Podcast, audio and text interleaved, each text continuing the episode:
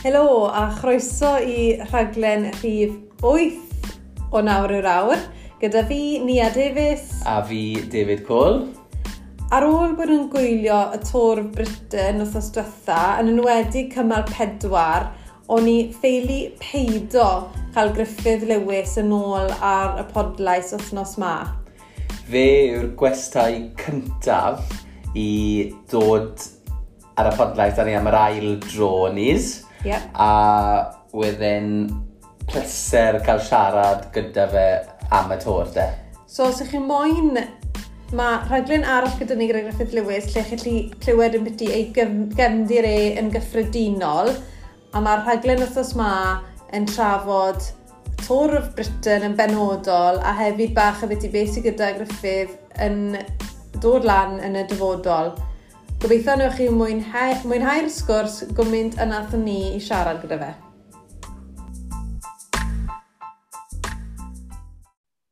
Helo, gref sri ti yno boi. Fi'n gret, diolch i ti dau. Diolch yn fawr i am ymuno gyda ni. Fi ma'n gweud cyn bod ni'n dechrau, ti yw'r person gyntaf ni wedi cael nôl ar y podlais am yr ail dro. Waw, na um, anrhyd, anrhydedd iddo fi. o'n i'n desbryd i cael ti mlaen ar ôl, um, ar ôl dy gwirthiau de yn y, yn y, yn y tor sy'n newid cwpla de othos weekend diwetha. So, just dechrau trwy gweud llongorchiadau enfawr i ti, to, fel rhan o tîm Ribble Weltaid, ges ti um, wythnos byth gofiadwy, dwi'n siŵr. Do, do, do wir. A do, oedd cwpl o straeon i, i ddweud. Hwnaeth nath lot digwydd tu ôl drysedu cae, ond um, na, nath, nath e ddod at ei gilydd a, ie, yeah, diwrnod byth gofiadwy a, chmo be, re, fi wedi bod yn meddwl amdano fe lot ers ni a lot o negoseuon, really nice. Go on, gweithio ni, beth, beth oedd yn digwydd â chi tu ôl y drysed, e, Griffith? Gathoch chi gwbl o problems neu...? O, do, wel, i fod yn onest â chi, um, o'n i'n sal fy hunan ar diwrnod un. Um, So basically oedd da fi, uh, yeah, problemau st uh, stomach, uh, stomach fi. So o'n i'n uh, ffeindio fe'n anodd iawn i cael y bwyd fewn. Um, yeah, so diwrnod cyntaf da fi coesau gret ar lefelau egni fi'n yn dda, ond wedyn diwrnod dau ymlaen, nath uh, popeth dechrau dal lan da fi, achos o'n i just ddim gallu byta digon. Um, o'n i jyst yn cael problem, o da fi bug uh, yn, y, yn y stymog. A wedyn, ie, yeah, so hyd yn oed ar uh, trydydd cymal um, y time trial oedd, o'n i'n meddwl, o'n i'n ffodus achos oedd e'n cymal mor byr, fydden ni'n iawn. Ond fel nath y panio allan, fi, oedd da, dau o'r tîm wedi cael problemau, so fi oedd y pedwerydd dyn, so ie, yeah, is i'n dofyn iawn. Um, ond wedyn, nath gwirth digwydd a pedwerydd diwrnod, oedd, oedd y bwyd yn dechrau, oedd y stomach yn setlo, a ie, yeah, nath, um, nes i ddeitho i fi na'n falle e ddim yn syniad gret i fynd yn y brec, ond ah, es i amdani anyway. Dyna beth oedd y plan cyn i'r dynod dachrau i fynd yn y diangiad? Um, so, oedd pawb yn y tîm ar DS, y director sportif, uh, y gŵr sydd yn y car yn gwybod bod gyda fi'r problemau yma, um, Fors bug bach ma gyda fi. Um, ond ar bore um, y pedwerydd cymal, pethau'n dechrau gwella i fi efo'r efo bwyd a pethau. So nes i just dweud, o'n i'n cael gyd o'r negeseuon ma, ffrindiau fi'n dweud, oh, well I di yn break breakaway, well I di yn a breakaway, mm. a ni'n meddwl fi'n an... But ges i brecwast da, nath popeth aros lawr, a, a ni'n meddwl fi'n an, ah, mae'r haid i fi mynd amdano fe. A chmo, na popeth cwmpo fewn i le, a, a hyd yn oed coesau da, da fi ar y diwrnod, a, um, yeah, na chi ddiwrnod, ma fi'n gwybod ble i ddechrau, ewch chi amdani. so, oedd hwnna'n rhywbeth, ti'n modd, pobl yn newydd eisiau gwybod, oedd e'n fel rhywbeth o ti goffa gofyn i'r tîm a dyn iawn bod fi'n mynd am y breakaway, neu oedd e'n rhywbeth o'n nhw'n gweithio di ie, allai di mynd am i heddi, neu siwr mae ma fel y tîm tactics, siwr mae'n gweithio fel adeg, e, fel rhan o tîm? Ie, yeah, so da ni um, James Shaw oedd yn gwneud yn dda iawn yn y dosbarthiad cyffredinol a oedd gyd o'r uh, gwybodaeth lleol gyda fi am y rhewlydd bach cil a ble i fod ar y blaen a chymod, uh, sut i ysgoi um, ddamwynau a ble oedd gyd o'r dringfeidd yn dechrau.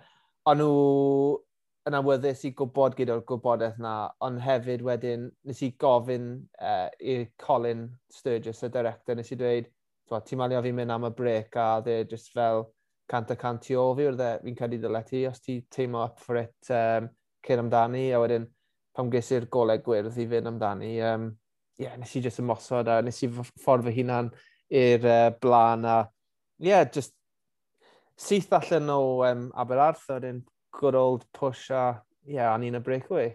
A oedd e just bach yn surreal, bach yn surreal o ti'n disgwyl y cefnogaeth ges di a'r baneri ar ochr hewl a pob un yn gweiddi enw ti, o ti'n disgwyl hwnna?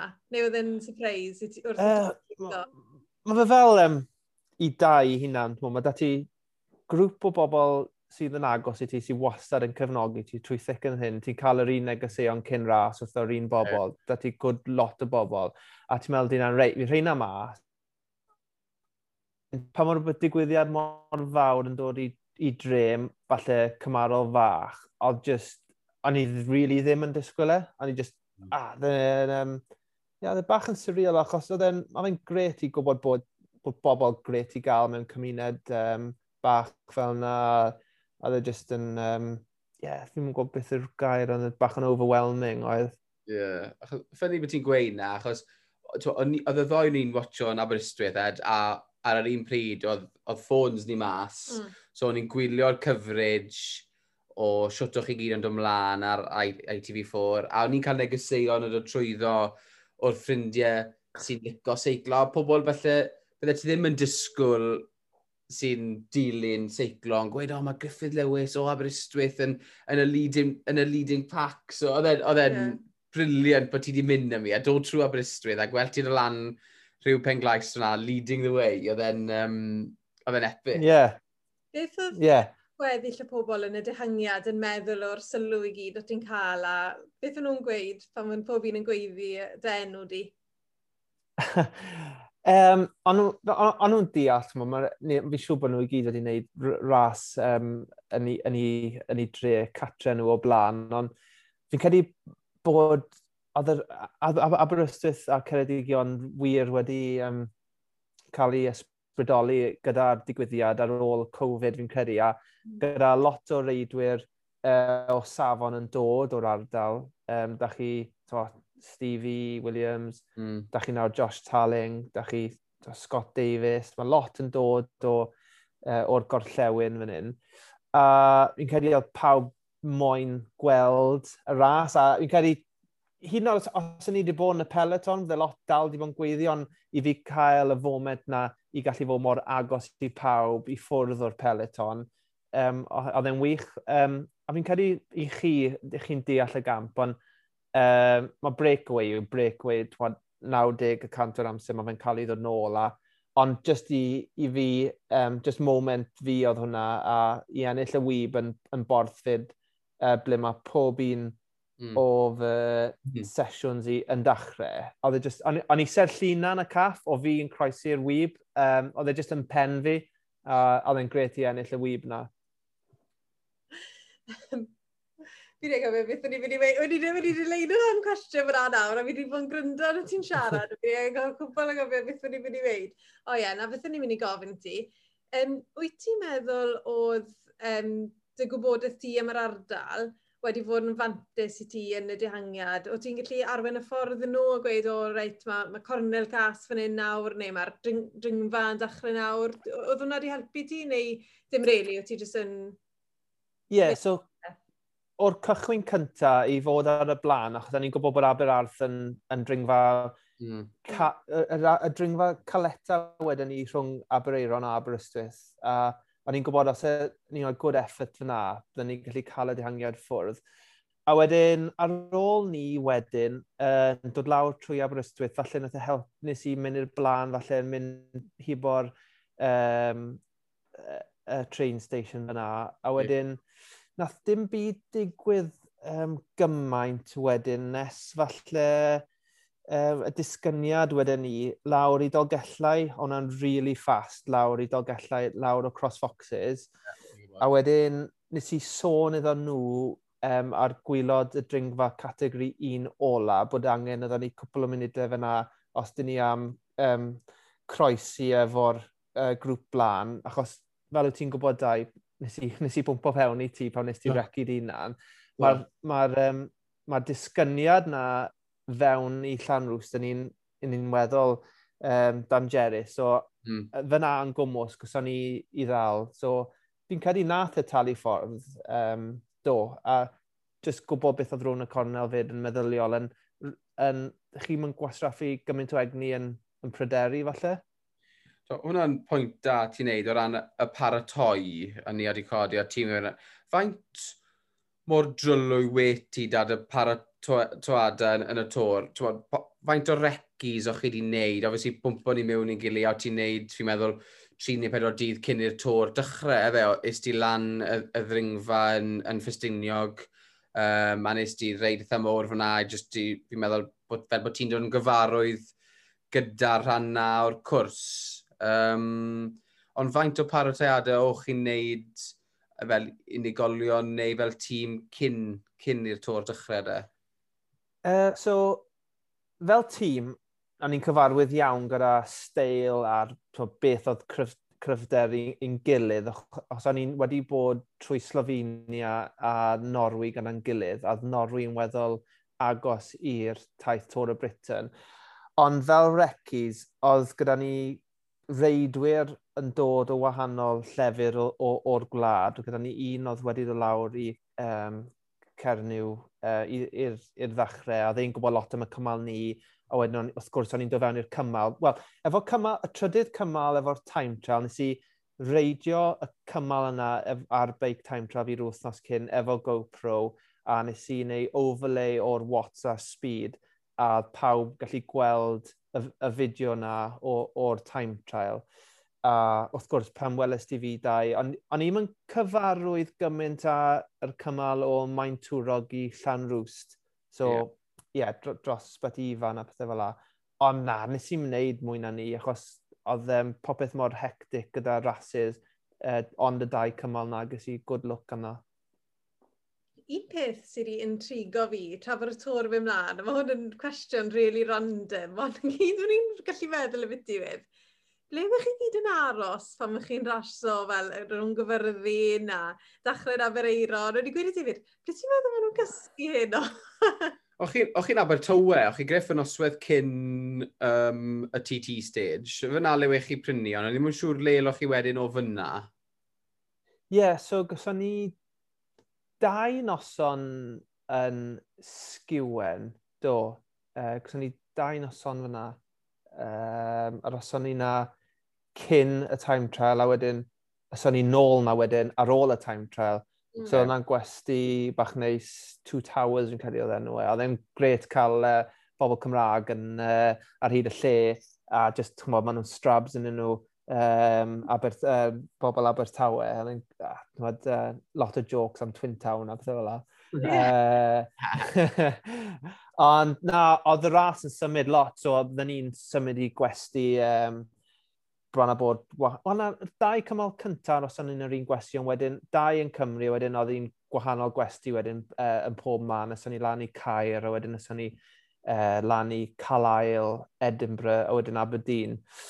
Uh, ond mae'r ras sydd yn paratoi uh, y gwesti ydyn ni, a wedyn dyn ni'n aros gyda yr un tîm oedd rhan fwy amser, o'n i gyda uh, uh, Quickstep efo Mark Cavendish, a Alpesyn fyd, a ie, yeah, cwbl o dîmoedd eraill. Ond ie, yeah, ras sy'n paratoi na. So... Diddorol, hwnna ddim y cwestiynau nesaf fi, efo chi oedd yn cael dewis ble yw'ch chi'n aros a pwy yw'ch chi'n aros da.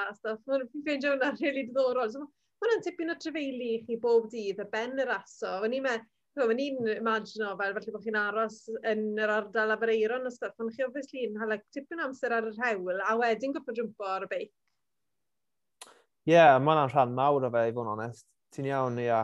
Um, Mi'n cofio yn yr, uh, yn y gorffennol, nes ni wneud brecu o Tour of Britain pryd o'n ni efo UK Youth, a o'n ni'n neud y transfers hefyd. byddwn ni just fel reidwyr ifanc i ddod yn iwst i iste y car, um, fel ti'n dweud, 3-4 awr uh, y, y diwrnod. A oedd yn hanfodol iddyn ni cael fel protein shakes a fel compression socks ar y ffordd a uh, yn ffodus oedd gyda ni camp, uh, so ni gallu rhoi coesau ni lan ar y ffordd. A, a i fod yn onest, reit, oedd y tywydd yn, wedi bod yn wirth i fod yn onest, bod i wedi cael mm-hmm. tywydd syth, sych, achos, ie, uh, yeah, os e wedi bod yn glaw, e wedi bod mor anodd i tro, gwisgo cyn, a ddefen wedi bod yn hast i fod yn y car ar ôl ni, a dde'r beics i gyd i fod yn llanast, so, a ni'n ffodus iawn gyda'r tywydd.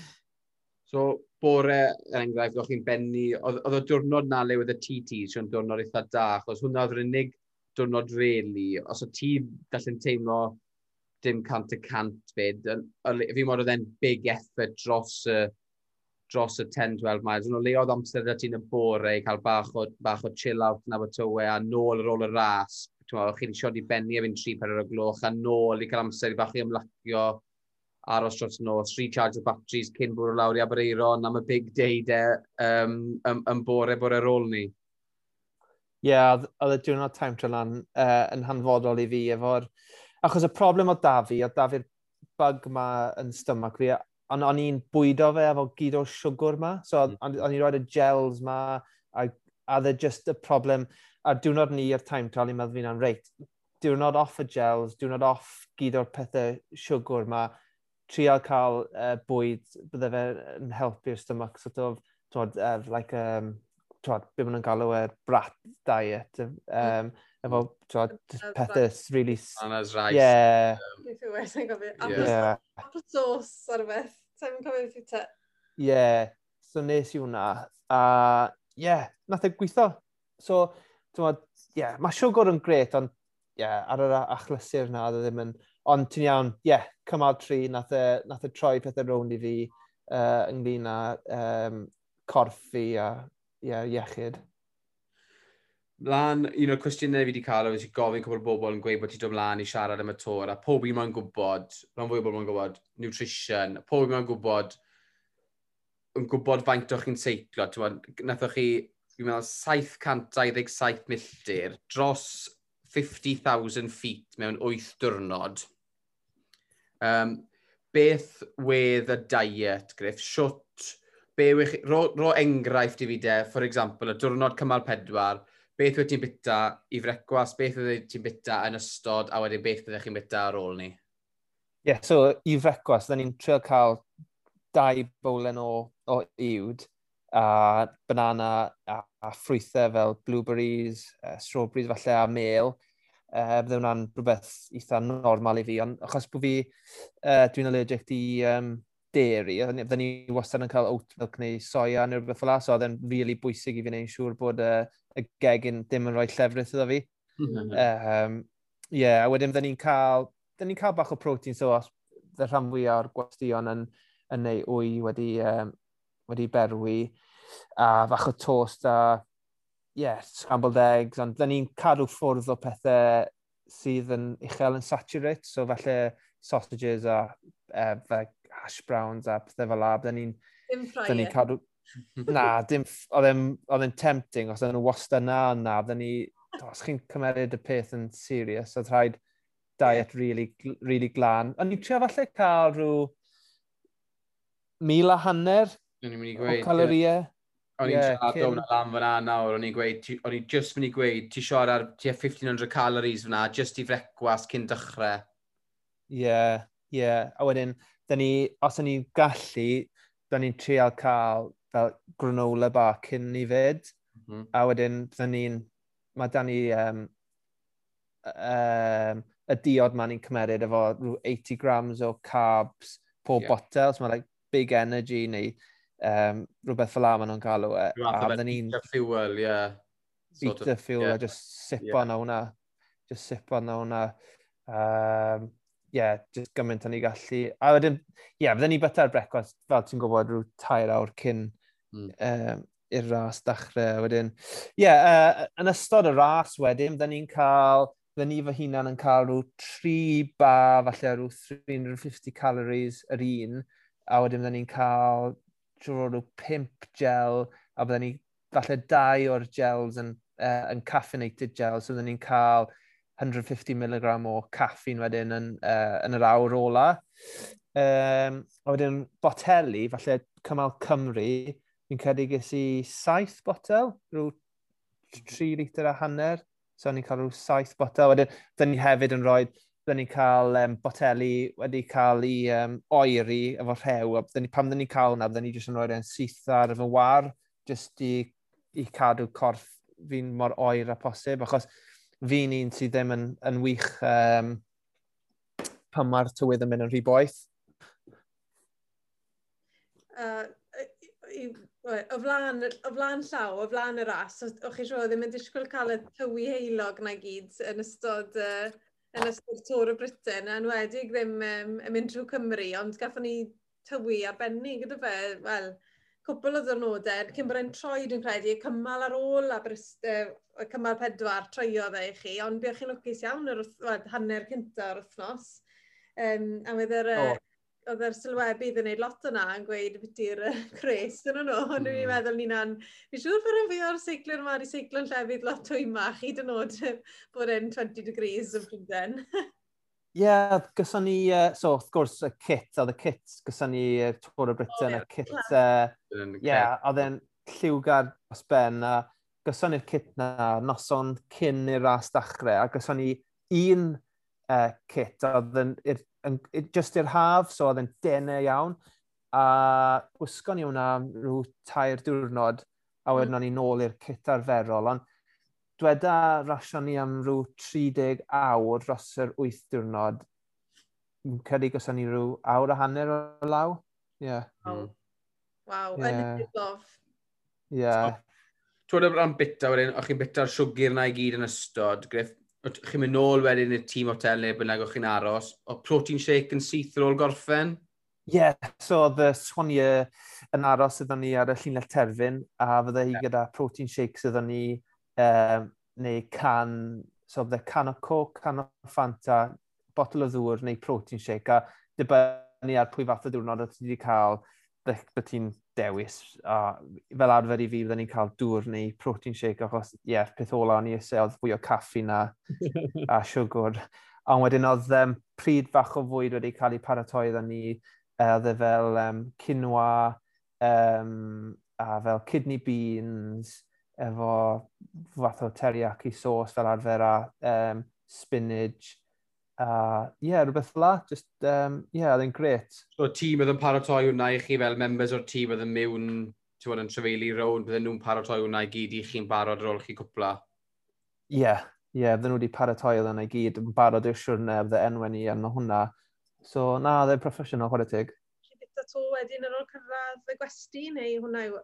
Na, na, so, ie, yeah, bydden ni byta ar ôl fyd, bydden ni'n yn, uh, yn llwgyd iawn erbyn fydden ni cyrraedd y gwesti, wedyn fydden ni'n cael... Wel, oedd e- e'n doniol ach, achos ni... Achos oedd lot o'r tîm oedd yn weddol continental base, mod falle mm. o Sbaen, Ffrainc, a bydden nhw'n hoffi byta rhyw naw o gloch yn nos, ond dyn ni wastad na, mor gyntaf oedd y drysau'n agor, rhyw saith hanner i saith, a wedyn, o, oh, rhai o boys ar y tîm da fi gallu byta'n anhygol, a fy'n rili really cefnigennus, ond bydden ni just gallu cael un platiad mawr, a wedyn fi'n yeah, fydden ni'n cael, just trial cael pwdyn neu rhywbeth fel la wedyn, just i cael y caloria lan, achos da ti'n codi lan yn ganol nos wedyn, dwi'n mynd i'r toilet neu rhywbeth, a bydde bola ti, bydde ti'n llwgyd unwaith eto, bydde just mm. corff ti'n gweithio, just gweithio, gweithio, gweithio. So, o'n i fel, ar cyfro taledd, o'n i'n, oedd training stress go fi, os ych chi'n un sy'n yn dilyn hwnna, oedd e rhyw rhwng 300 a 350 pob diwrnod. Ie. Yeah. So, chymod ni'n ni clywed beth i tîm unios, obviously maen nhw da, to, un o'r tîm mwyaf yn y byd, maen nhw gyda chef i hunan sy'n teithio rownd gyda nhw. Chi dwi'n yn bita bwyd y gwesti wedyn?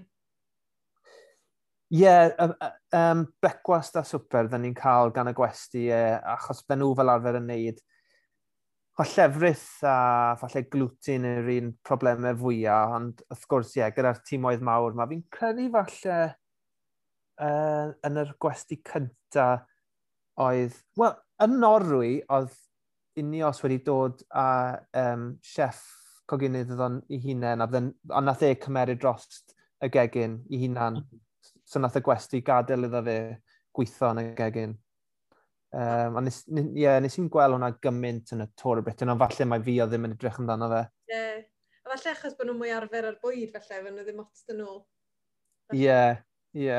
So, sio ti ti'n teimlo ebyn hyn? Sio mae'r recovery wedi bod yn mynd ers i'r ras i orffen dy ti? Ie, Uh, yeah, good. So, bydd i'n ei, um, ges i cwpl o ddynodau ffwrdd o'r beic, a just achos, ie, yeah, o'n i wir angen. Uh, a wedyn, ges i reid nôl cyntaf i ddoi, nes i dwy awr, a oedd corff i just ddim ysau gwybod am y peth am rhyw 30-40 munud. Oedd e just, ie, yeah. so o'n i'n, nes i gadw yn y ring fach, uh, a just yn, yn yn weddol hamddenol. Just, uh, a wedyn doth, corff i rownd erbyn diwedd bach, ond heddi wedyn, teimlo'n grif, teimlo'n grif heddi, mae pencampwriaeth um, Cymru ar y penwthnos. So, i fod yn onest, fi'n cael ei fydda'n o'r reith. Fi se cysgu lot, fi'n teimlo fel bod fi jyst se cysgu trwy'n se.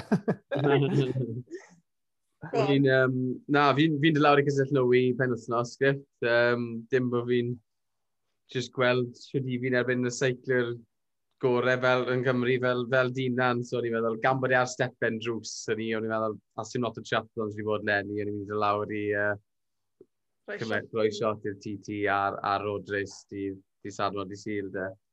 Cool. Da, to, chwarae teg gyda ti, sdim lot uh, gyda'r hyder i'n ei ond na, bydde fe, ti'n dangos fis how it's done yn y triathlon, so yeah, gobeithio gallai dangos i Howes dyn. Yn gweith bod ni, fi'n mynd i cael agoriad llygad, fi'n meddwl, achos obviously fi'n treial cydbwyso gyda redeg 40-50 miles a week a nofio, a wedyn chi pure cyclist mynd i dod lawr a roed um, gwers. gwers i fi, fi'n siŵr, uh, disanwyd sy'n Ond fydde'n great experience fi dod lawr a gweld boes fel Dinan yn um, sy'n newid y mas o'r tor yn, a lot o boes ifanc talentog iawn yn um, mixing it up on, on the Saturday and Sunday day, fi'n siŵr. Ie, yeah, wel, ti'n gwybod ble dwi, a gewn ni chat bach cyn y ras, a na i gymaint o gallai i roi bach o tips o ti.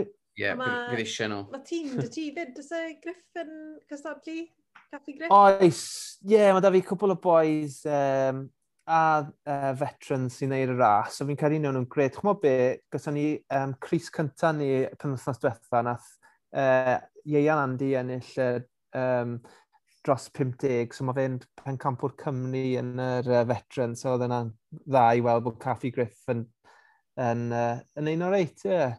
A mae hwnna'n mynd o'n erthyn erth ydy y, y tîm a'r a'r bywoliaeth ydy fyna, lot o fo'n dilyn, ti'n fi'n gweld ti'r Instagram a pan mae eisiau pob un dilyn ti'r Instagram, achos mae wastod, ti'n y beics a'r cyff yeah. popeth sydd sy'n mynia os o'n hala lluniau i fi, o ti wedi weld hwn, ti wedi weld hwn, o'n i'n meddwl, o dŵr. O'n i'n meddwl fi na'n, um, na, popeth yn mynd yn gret, fi wrth gwrs wastad sy'n rhoi fwy o amser um, i'r reidwyr, ond maen nhw yn, yn deall yn, yn llwyr bod fi wedi cael haf brysur dros ben yn sylwebu ar y Giro a Tôr de France, a wedyn allan yn y Tôr de France a rasio Slovenia a Norwy, a wedyn i'r Tôr o Britain, um, os dim ond gymaint all, di'n neud, wneud ynddo. A yeah. um, dwi ddim yn, uh, os neb yn weithio lawr star i fi, so mae lot o cydbwysedd yn mynd wrth gwrs efo um, Elin a Gito hefyd, ond chwmod be, na, fi'n hapus dros ben, a nawr unwaith deith y geiaf gallai um, rhoi mwy o egni fewn uh, i fynd ar y ieuenctid allan am reid, a ie, yeah, hyfforddi nhw gymaint ag allai, ond fi'n fi siŵr nawn nhw'n uh, um, uh, fy hunan yn prowd iawn ar y penwthnos. A chymod be, fi'n credu falle gawn ni Cris fach arall, gobeithio.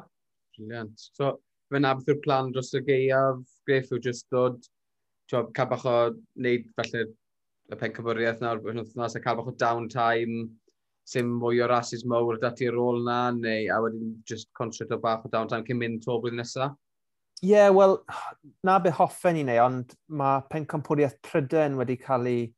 i uh, mae hwnna'n ganol mis hydref, so mae ma fi cadw'r lefel nes hynny, a wedyn fi'n credu mae'r um, pymthegfed o me, uh, hydref i hwnna, wedyn, ie, yeah, tymor ar, ar ben wedyn. Um, mae si gwylio um, Cymru'n chwarae rygbi ar diwedd hydref wedyn, cwbl o beint gyda gyda boys um, sy'n well seiclo. Well deserved. Yeah. Cyn i ni gadael ti fynd, mae rhaid i ni gofyn i ti fi ti trethlon. Fi'n gwybod, Lenny, wedi ti gobeithio troi mwy at y trethlon a mynd i cystadlu yn Cymru. A di hwnna rhywbeth ti still mae'n neud? Obviously, goffodd y plan i newid Lenny, fel mae plans pob un yn gorffo newid dros y blynydde, cwbl o blynydde diwetha yma. Ond di hwnna'n rhywbeth ti still yn edrych i wneud?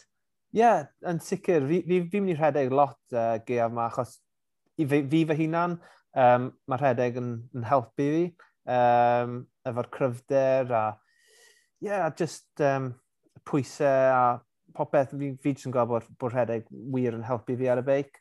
A wedyn, Ironman Wales, ie, yeah, mae rhaid, mod, fi, fi methu weithio y drwnod ni a gweithio gallai fod ochr i ochr efo, efo dau hunan. Um, So fi, fi'n yeah, fi edrych mlaen am y ddiwrnod ni. A, ond y peth sydd yn hefyn fy meddwl i gym, fwyaf ar y foment hyn yw'r um, gemau gymanlad. So, Mae'n really hoffen i fynd i raso um, ar y rhewl yn hwnna. So, just yeah. cant a cant at hwnna. Ie, yeah, hwnna, hwnna'n Birmingham, wedi bod hwnna'n ffantastig, bydde fe. Um, efe road race bydde ti'n moyn wneud mas hwnna, Griff, ti'n meddwl? Ie, yeah, road race a falle time trial, chymod, da ni pencapwriaeth Cymru ar y time trial ar y penwthnos a fi jyst yn gobeithio gallai um, dangos fy cryfder i fyna a wedyn um, yeah, neud popeth gallai i, i, i, i, i cael fy newis ond ar, ar diwedd... A bydde ennill y, y TT ar road race penwthnos ma yn qualifio ti am y gymau gywanwlad, fe fel a byddwn ni'n neu bydde ti just roi di dan mas na'n gwedrach fi yw'r number one, fi di ennill y pencampwriaeth a a lot o pwysau nhw i ddewis ti. Ie, yeah, yr ail, yr ail un, ie. Yeah. So fydde fe ddim yn, yn dewis fy hunan yn, yn automatic na, ond ie, um, yeah, wad, um, gobeithio allai wneud, uh, gadl y coesau wneud y siarad a ie. Yeah. Wyt ti'n gwybod sawl person maen nhw'n mynd yn mas i'r uh, gymer gymanwlad? Na, na, ddim eto, ond wrth gwrs mae rhaid bod yn um, uh, deall mai, chod, bydd bobl fel um, Lucro a Owain Dŵl a Geraint um, gallu mynd os bod nhw eisiau bron a bod, a wedyn mae fe lawr i'r um, reidwyr eraill wedyn i profi hunain. Um, wrth gwrs mae gyda nhw calendar mor brysur hefyd, falle fydd rhasys hyd yn oed fwy delfrydol um, iddo nhw raso. Tmod, yn, y, yn y gorffennol ni wedi gweld Geraint yn paratoi falle i'r Tôr y Ffrans um, ac yn, yn dewis dim i rasio'r gemau gymanlad, ond na, bydde fe'n gret, ond, ond dim ond gallai wneud yw e, uh, trio fy ngorau ynddi. A fi ddim, ie. Yeah. Croesi fysedd, fydde fe'n amazing gweld ti'n cael slot a gweld, gweld Cymro Cymraeg yn cael gyfle fyd. Ie. Yeah. Diolch yn fawr am y sgwrs yno, Griff. Hwna'n briliant cael insight am y, am y tor. Fi'n siŵr bydd pobl yn joio grondo ar, ar, ar y sgwrs yma. Fe rai ni mynd mas ar ôl y weekend nawr, ar ôl ti cael cwpl o beint da'r boes yn y geia. er mwyn i ti roi gres y drad i fi ar y beic, a ni bric rhan offi i fi cael roi gres y drad i ti ar yr edeg. Ie, ie, ie, ddwna'n gret. So, ie, yeah, na, fi di joio mas draw a, chmod, fi Dwi'n hoff iawn o'r podlediad a diolch fawr i ofyn y fydd ymlaen unwaith eto. Mae unrhyw pryd mae fe'n uh, pleser mawr iddo fi. Diolch. O, oh, diolch yn fawr i ti. Diolch yn fawr, bai, briliant. Thank you.